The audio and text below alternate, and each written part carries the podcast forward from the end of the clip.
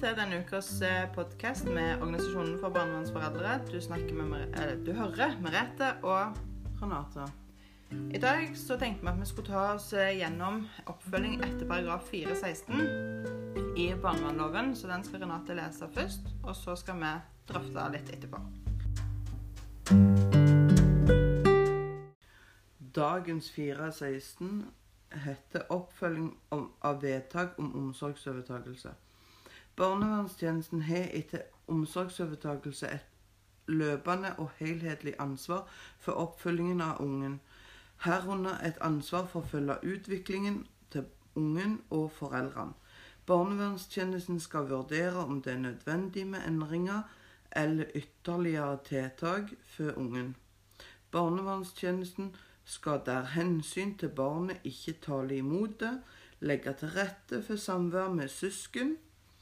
Barnevernstjenesten skal kort tid etter omsorgsovertakelsen kontakte foreldrene med tilbud om veiledning og oppfølging dersom foreldrene ønsker det. Skal barnevernstjenesten som en del av oppfølgingen formidle kontakt med øvrige hjelpeinstanser der hensynet til ungen ikke taler imot det, skal barnevernstjenesten legge til rette for at foreldre kan få tilbake omsorgen for barnet, jf. paragraf 421.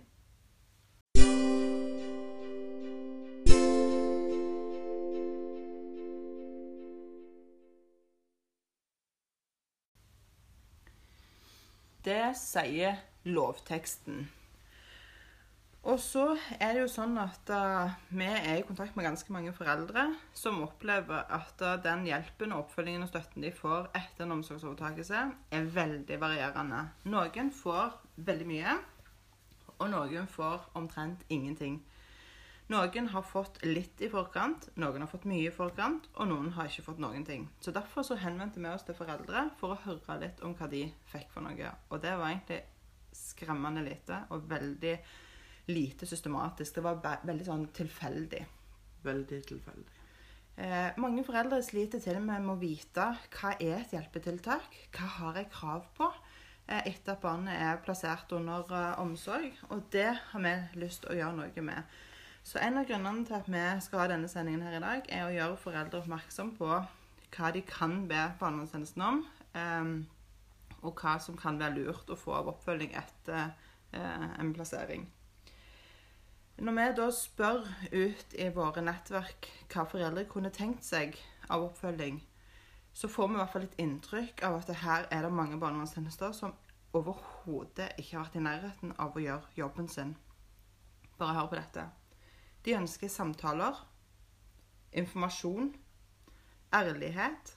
De kunne tenkt seg støtteperson, likemann, familieråd, de vil vite informasjon, eller ha informasjon om hensikten med tilsyn. Behov for samarbeid. De ønsker seg respekt. De kunne tenkt seg hjelpetiltak. Evaluering av samvær både i forkant og etterkant. Dette er ting som jeg tenker er helt nødvendig for at eh, vi skal i det hele tatt kunne ja, leve med det som er skjedd. Vi, er nødt til å få noen form for, for oppfølging. Um, noen foreldre opplever seg ganske parkerte etterpå. Så vi kan jo snakke litt med Renate om hva vi har fått av hjelp etter eh, plassering. Har du lyst til å begynne? Det kan jeg godt. Eh, når eh, de henta hun minste mi, så fikk jeg en lapp i hånda. En grå og trist lapp med tilbud om å ta kontakt med familievernkontoret. Eh, og det var det Så fikk, gikk det vel ei halvannen uke, og så fikk jeg en telefon om første samværet. Eh, og så fikk jeg en eh, samværsplan der i posten, eh, der samværene ut for resten av eh, 2015 sto. Og så skulle jeg ha oppfølging i forkant og etterkant av um, samvær. Jeg skulle ha veiledning. Når jeg kom på barnevernskontoret, så fikk jeg informasjon om ungen. Hva, de hadde, hva hun i fosterfamilien hadde gjort den siste tida. Hva, um, hva Hva hun var opptatt av og sånn. Og så når jeg kom etter samværet, så hadde vi veiledning etter samvær, og da fikk jeg opplest eh, samværsrapporten. Og det var den veiledningen jeg fikk. Det vil ikke jeg akkurat kalle for veiledning. Nei. Veiledning er jo mer sånn eh, en gitt situasjon som blir beskrevet, der en gjerne får spørsmål om hva ville du gjort nå, eller hvorfor gjorde du det du gjorde, eller sa det du sa. Eh, ikke en oppramsing av noe som faktisk ikke er meint til å ha noe for seg. Nei. Eh, og etter det så har jeg vel mast og spurt om diverse kurs. eh, både kos, duo, pykk. Jeg har vært ute etter mange av de holdt jeg på å si eh, tiltakspakkene som ligger. Og jeg får Jeg blir avvist eh, når Får du noen begrunnelse, eller bare sånn Det er ikke- det er Nei, vi har det ikke. det, det er ikke nødvendig. Du skal bare ha kjennskap til barna. Ja. Eh, men nå når jeg hadde undersøkelsessak for første gang på fem-seks år nå i, i 2020, så, så fikk jeg um, Da gikk de gjennom samværsrapportene uh, i alle de fem årene, da. Uh, det høres jo ut som det er kjempemye papirer, men det er jo ikke det når du har to samvær i året. Eh, sånn at da, Når jeg da fikk Når vi gikk gjennom dem, og de så at det, altså det var ikke noe de kunne veilede meg på i, i de situasjonene som er beskrevet.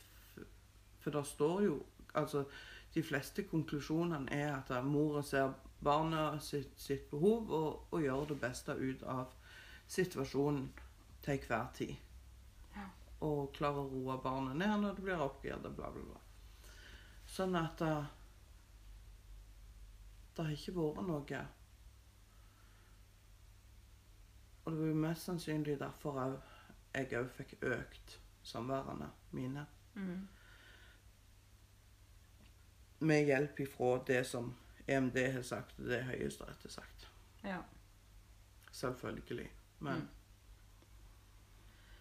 ja, for min situasjon den er jo litt annerledes. Jeg fikk jo veldig mye veiledning eh, etter omsorgsovertakelsen, som egentlig er stikk i strid med alt annet jeg både kjenner til og har hørt om. Ehm, jeg, eh, mine barn ble jo henta i 2010. Og ganske kort tid etter plasseringen så fant jeg ut at jeg var gravid. Um, og da gikk det jo mange tanker gjennom hodet mitt om hvordan jeg skulle løse den situasjonen, men til slutt så valgte jeg i hvert fall å fortelle barnevernstjenesten hvordan det var.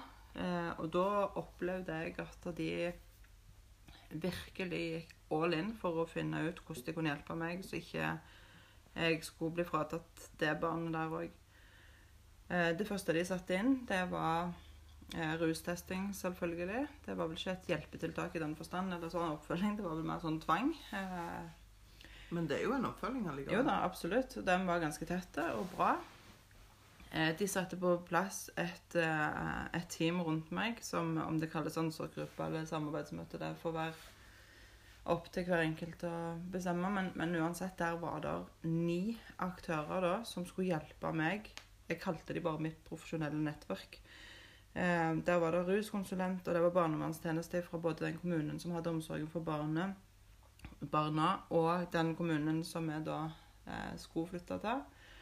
Eh, det var fastlege, det var Nav-konsulent, eh, helsesøster og jordmor var i den. Eh, fastlege møtte jo ikke hver gang, men det var et godt apparat rundt meg, så jeg hadde liksom noen å kunne snakke med uansett nesten hva det gjaldt. Blå Kors og.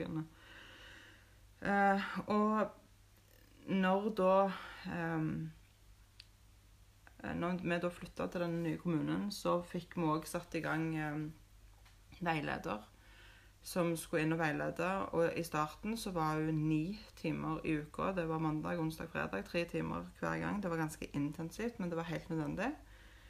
Um, og det hadde vi ganske lenge. Jeg er ikke helt sikker på hvor lenge, men etter en stund så eh, redusertes det til seks timer i, i uka. Og så tre timer, og så var det mer sånn annenhver uke, og så bare ved behov.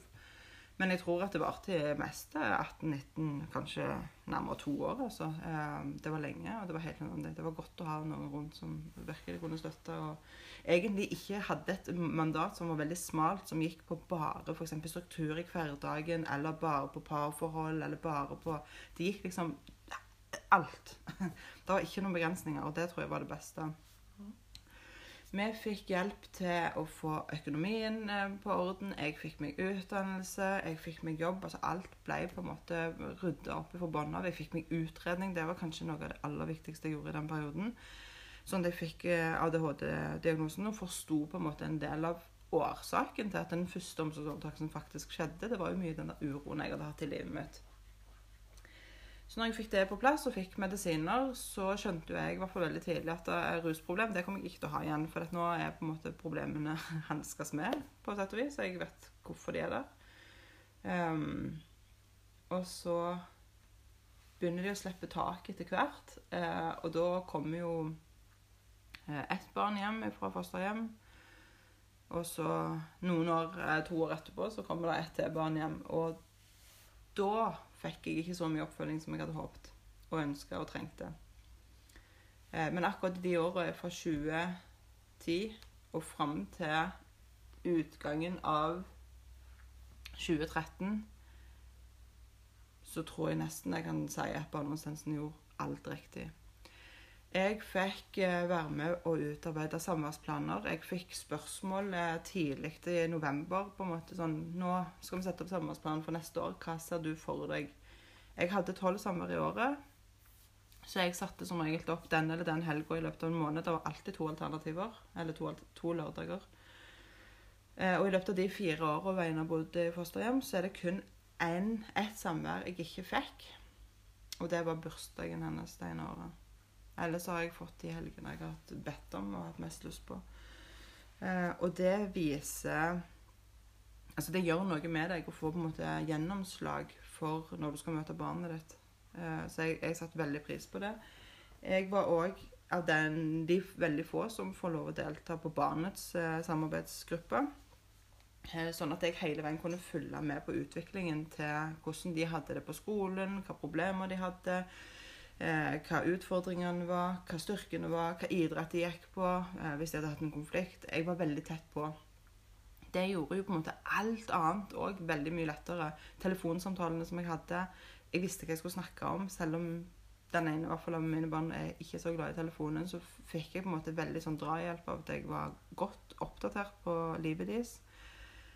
Eh, og det var òg en av begrunnelsene som fylkesnemnda bruker tilbakeføringssaken, at mor var veldig realistisk orientert om barnas situasjon. Så det var ikke sånn Jeg famla ikke i blinde. Eh, og det er jo på en måte min motivasjon til andre barnevernstjenester. At de skal våge å tenke at det, foreldrene kan klare det hvis de får riktig hjelp. Eh, vi opplevde jo òg midtveis i fosterhjemsopphold nummer én at det blir bekymring knytta til mine samvær fordi min datter gjemmer seg vekk og låser seg inn og bruker veldig lang tid på å komme til samværene.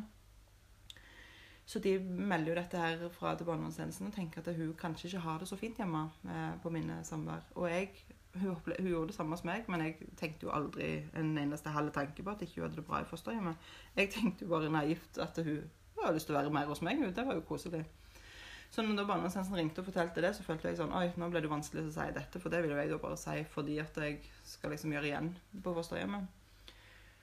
Men den fantastiske kontaktpersonen vi hadde da, hun svarte bare vet du hva, da skal vi ta en liten drøfting på det i teamet, så ser vi hvordan vi løser det. Og det resulterte da i at de eh, valgte å øke samværet. De var veldig tydelige på at dette skjer bare et par ganger. Vi må først se hvordan dette utarter seg. Og risikoen er jo at du kan bli mista samvær hvis ikke dette hjelper. Og det hjalp.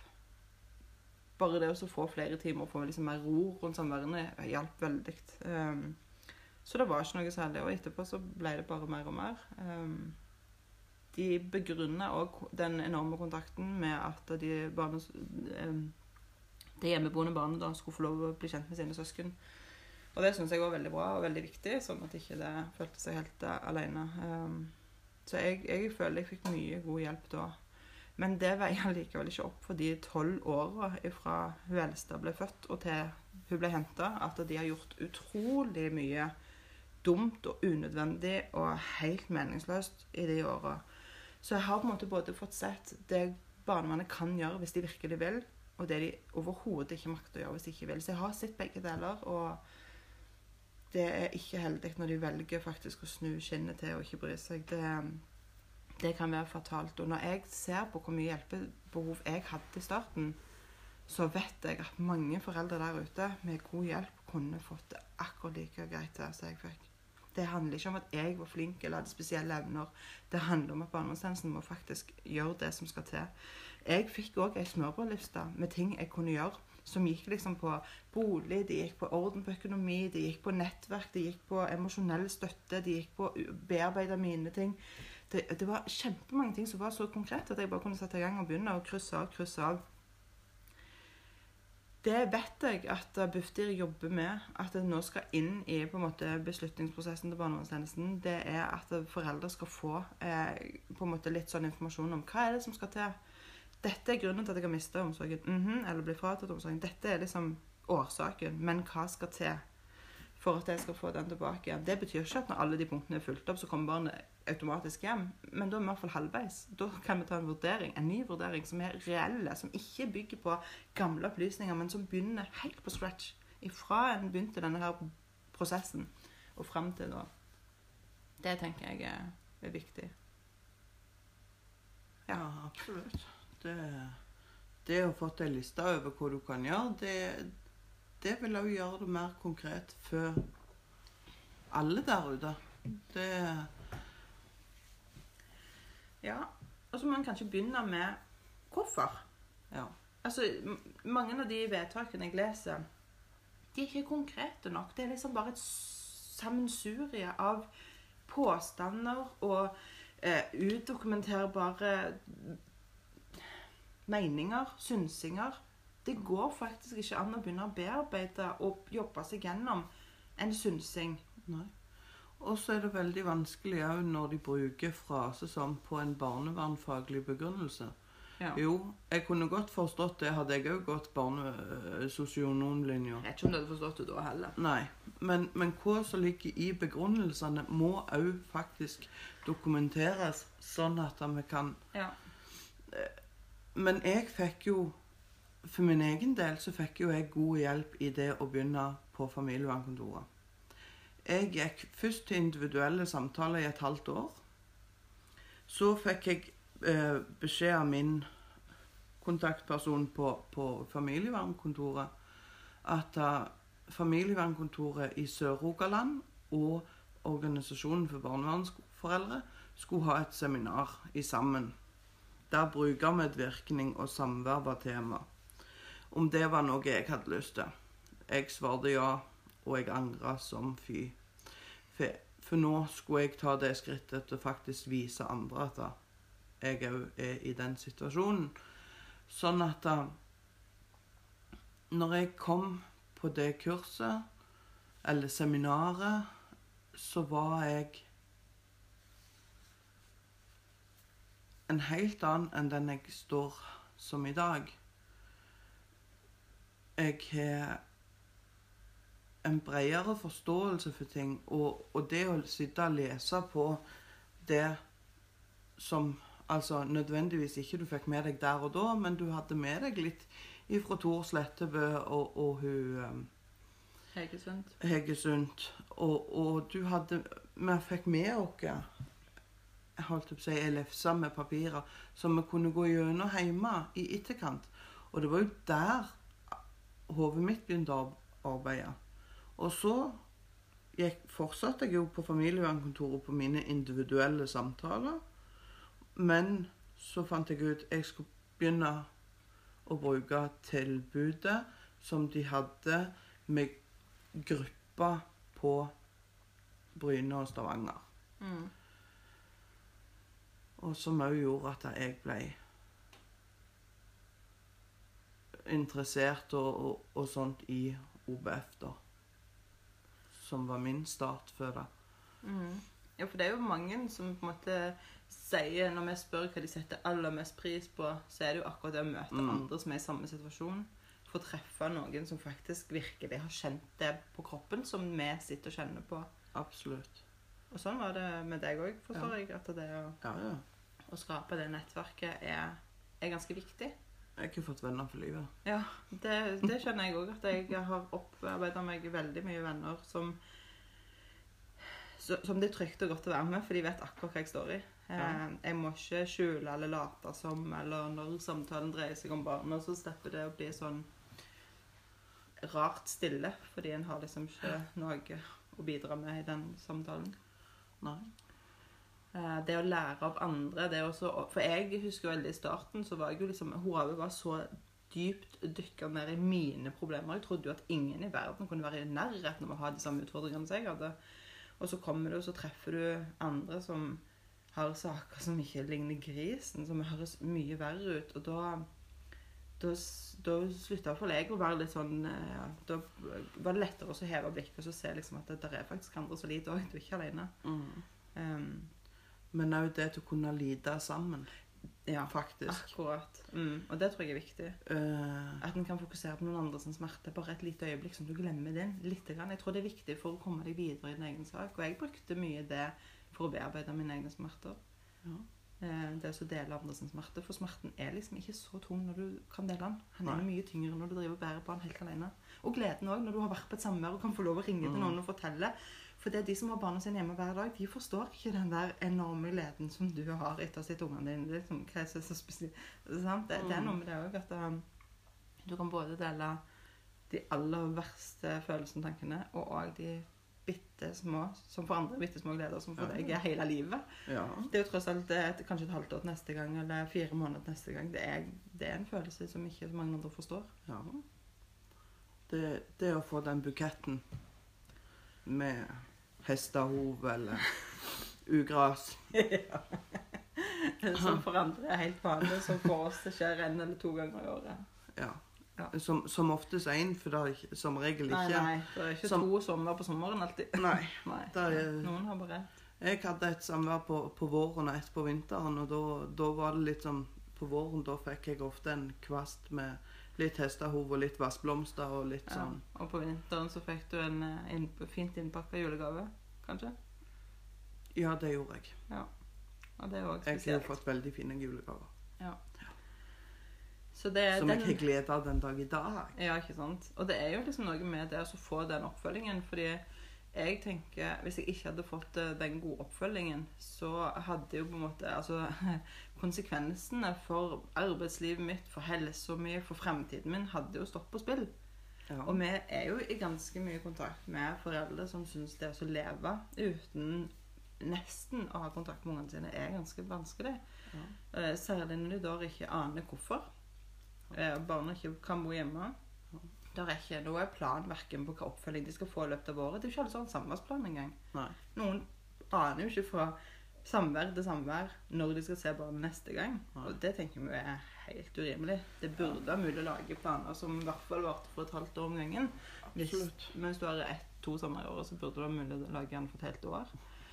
Eh, så det er så mye som kan gjøres. Altså bare det den relasjonen du har med kontaktpersonen. Mange er veldig opptatt av at når barna går ifra å være eh, under hjelpetiltaksfasen og skal over i omsorg, at eh, de kan få en ny kontaktperson. For det å Mm. feise den personen som har stått i fylkesnemnda, eh, at det bare det i seg sjøl kan være eh, Å få nye øyne på saken kan være ganske godt. Absolutt. Men så er det ikke bare bare det å bytte saksbehandlere eller Nei, kontaktpersoner er heller. ikke.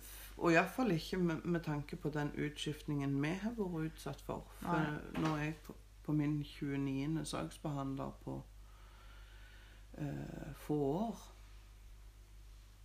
Ja, og da er det jo Eller ikke få og få. Det er jo, det er jo da noen år, men, men jeg mange du hadde hatt. 29. Ja, ikke sant? Og da er det klart, da er gjerne det litt ugunstig å få Og eh, alle et det. bytte igjen. Men, eh, men det å få i hvert fall den personen som har stått i nemnda, som har ramset opp alle Mm. disse årene med eh, som de mener at de har drevet med gjerne hjelpetiltak, tunge tiltak, og så har det liksom ikke Og så er de bare betalt barnehage.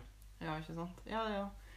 Um, men, det å gi den der oppfølgingen, det å også investere litt i å få til et godt samarbeid med fosterhjemmet jeg, jeg som har opplevd å ha to ulike fosterhjem, ser jo hvor enormt nyttig eh, det var når vi kunne dra altså når vi kunne dra på besøk, og barna barnet slapp å drive med den her eh, Huset sånn, og de sa sånn, og de og sånn, og eh, Ja.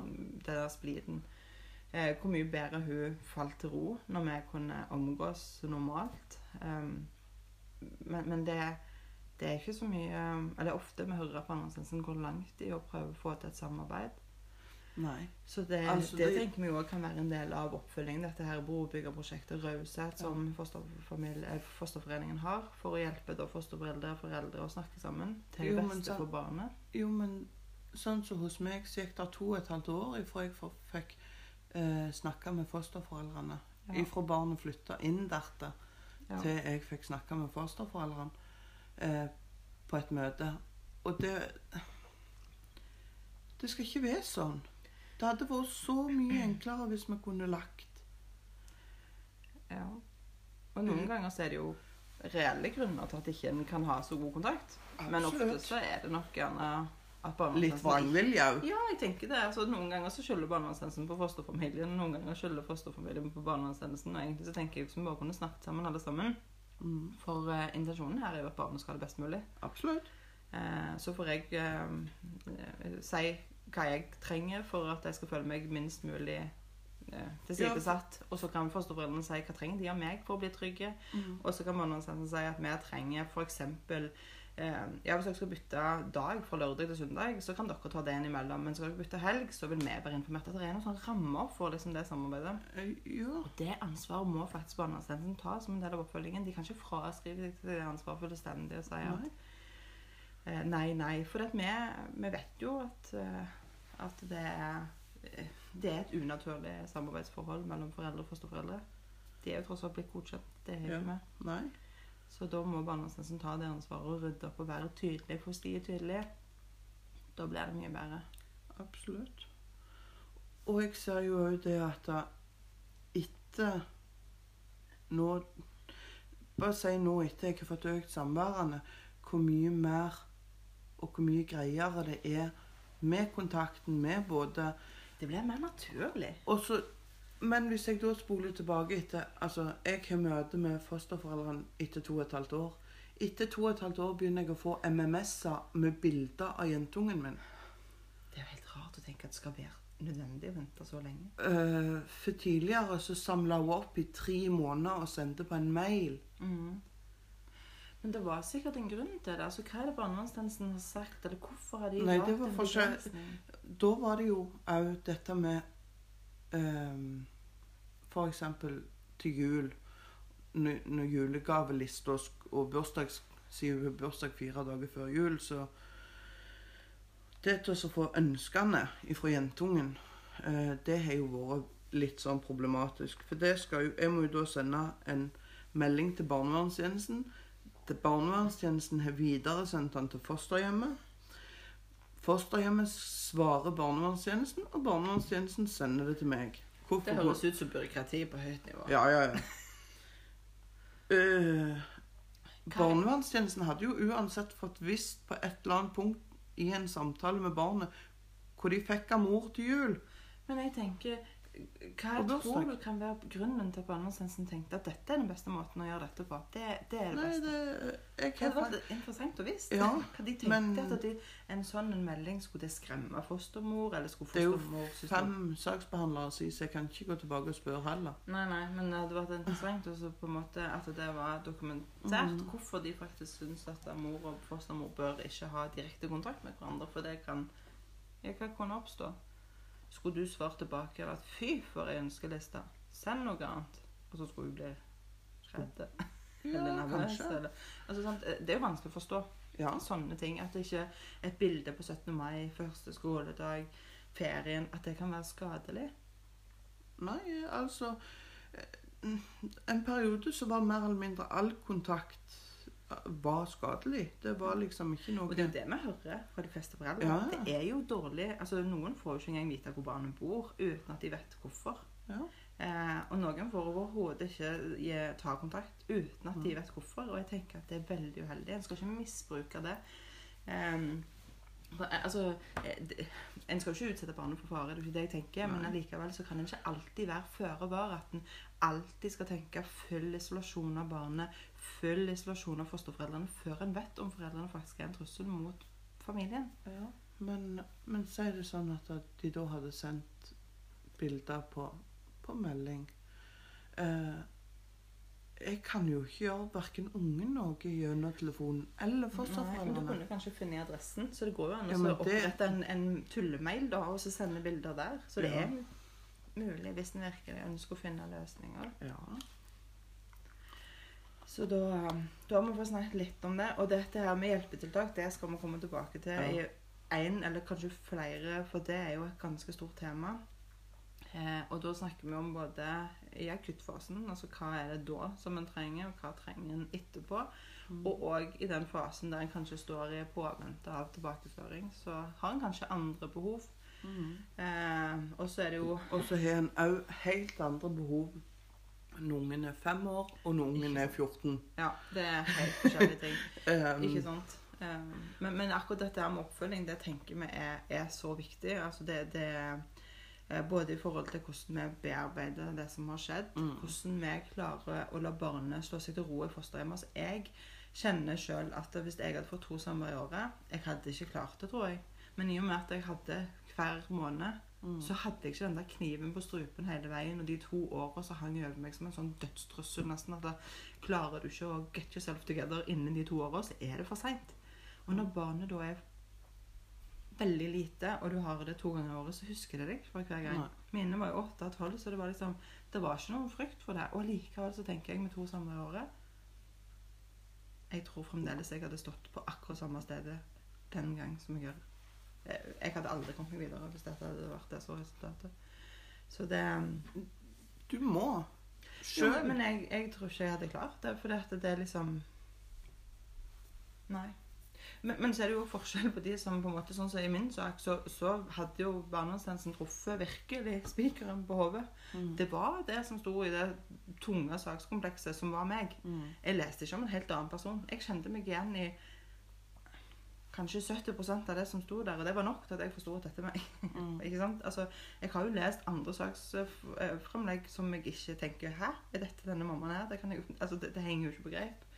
Um, så det er jo noe som eh, handler om oppfølging. Det å komme i, i den situasjonen. Og det å begynne å bearbeide noe du overhodet ikke har gjort. Altså, det er jo akkurat samme som å sitte på death road og, og være anklaget for et mord du ikke har gjort. Du kan ikke bearbeide det. Nei. Du kan, altså, du kan på en måte komme til enighet med deg sjøl om at eh, her sitter jeg og jeg får ikke gjort noe med det, og jeg kan akseptere det. Men du kan jo ikke bearbeide det. Nei. Du kan ikke be noen om tilgivelse for noe du ikke har gjort. Nei. Og sånn er det òg i barnevernssak. Du Ja. kan faktisk ikke si til ungene at dette tar jeg fullt ansvar for hvis det ikke har skjedd. For det vil jo være helt tullete. Ja. Um, og det, derfor tror jeg det er viktig at barnevernstjenesten er korrekte når de beskylder foreldre for noe. At de har, det er innafor det de sier. Um, og det er dokumenterbart. Det, eller det er dokumentert, det er etterprøvbart. Det, det må være eh, mer enn for, på grunn av barnets beste, som òg er et veldig hult begrep. Eh, Som du sier, etter en barnevernfaglig vurdering har vi bestemt at Eller en helhetsvurdering, så er det best sånn Det er tomme ting. Det har Mm. ingenting med oppfølging å gjøre å skrive sånne ting. For vi, vi trenger noe mer konkret. Ja. Og det må barnevernstjenesten ta mye av ansvaret for. Vi kan ikke ha et system der vi sitter og ikke kjenner oss igjen i det som står. Og det kan ikke være fullt av løgner og udokumenterte ting. Nei. Det, og det nytter ikke å si at det gjør vi ikke. For vi har lest Samnanger-rapporten, og der er det mange ting. Og det er bare toppen av isfjellet. Det er liksom ikke Nei. Det er ikke de tre sakene det gjelder. Det Nei. gjelder mange steder. Det er helt overbevist Jo, men altså, det er vanskelig å sitte og lese et saksframlegg som du ikke kjenner deg igjen i, når det er ditt eget og dine egne unger som står på spill. Absolutt. Så det, men uansett hva som er årsaken til at barnet blir flytta, så tenker jeg at en skal alltid kunne finne noe som denne familien trenger hjelp til. Mm. Noen trenger hjelp for å øke kompetansen i forhold til samvær. Mhm. Og noen trenger å bli satt i stand til å få barna tilbake igjen. Ja. Det trenger en ikke beslutte i løpet av ei uke eller i løpet av tre måneder. Dette er jo en prosess som en hele veien skal evaluere. Ok, I starten så går en gjerne inn for at nå skal foreldrene få best mulig samvær. Ja. Og så etterpå så må vi vurdere er vi fortsatt der om et år at vi snakker om samvær, eller snakker vi om mulig tilbakeføring. Mm. Jo, men det er jo ikke det sånn det, det er ikke sånn det funker. Nei, altså Vi kjenner jo foreldre som har hatt to og fire samvær i året i årevis. Er Liksom, jo, men De har hatt hjemlige vurderinger, de, men de har aldri notert ned. Nei. De har bare tatt inni saksbehandlers hode og så bare konkludert med at nei, Eller så sier vi ja, selvfølgelig har vi evaluert det, men det er, har ikke skjedd noen endring. jeg, Og hvorfor får ikke jeg som forelder lov å være med på den evalueringen? Nei, for det skjer jo inni hodet deres. Du ja. trenger ikke være med på det. Nei, jeg får ikke plass inni der. Og det er klart, og så er det ikke alltid det eh, gjort noen nye undersøkelser eller Nei. vurderinger. De har bare gjort det på bakgrunn av de gamle opplysningene. Og det er ikke heller reelt. Nei. Hva er, hvis foreldre takker nei, hvor mange ganger tar de opp telefonen og så Nå, da? Hva tenker du nå? Er du kommet et sted videre? Kan vi gjøre noe nå? Hvordan går det med deg? Ja. Eh, ja, jeg skjønner at det kan være vanskelig når du blir utskjelt, men det er faktisk noe du må tåle. Og Det- jeg har mer respekt for de som tålte det, enn de som bare ikke ville forholde seg til det. Ja, absolutt. For det var òg de som evna å endre meg, de som tålte det. Jeg skjønner at du sendte, du skal få blåse ut, og når du er ferdig, da snakker vi om saken. OK? Helt fair. Ja, ja, ja. Så det Ja, da har vi snakket litt om oppfølging. Absolutt.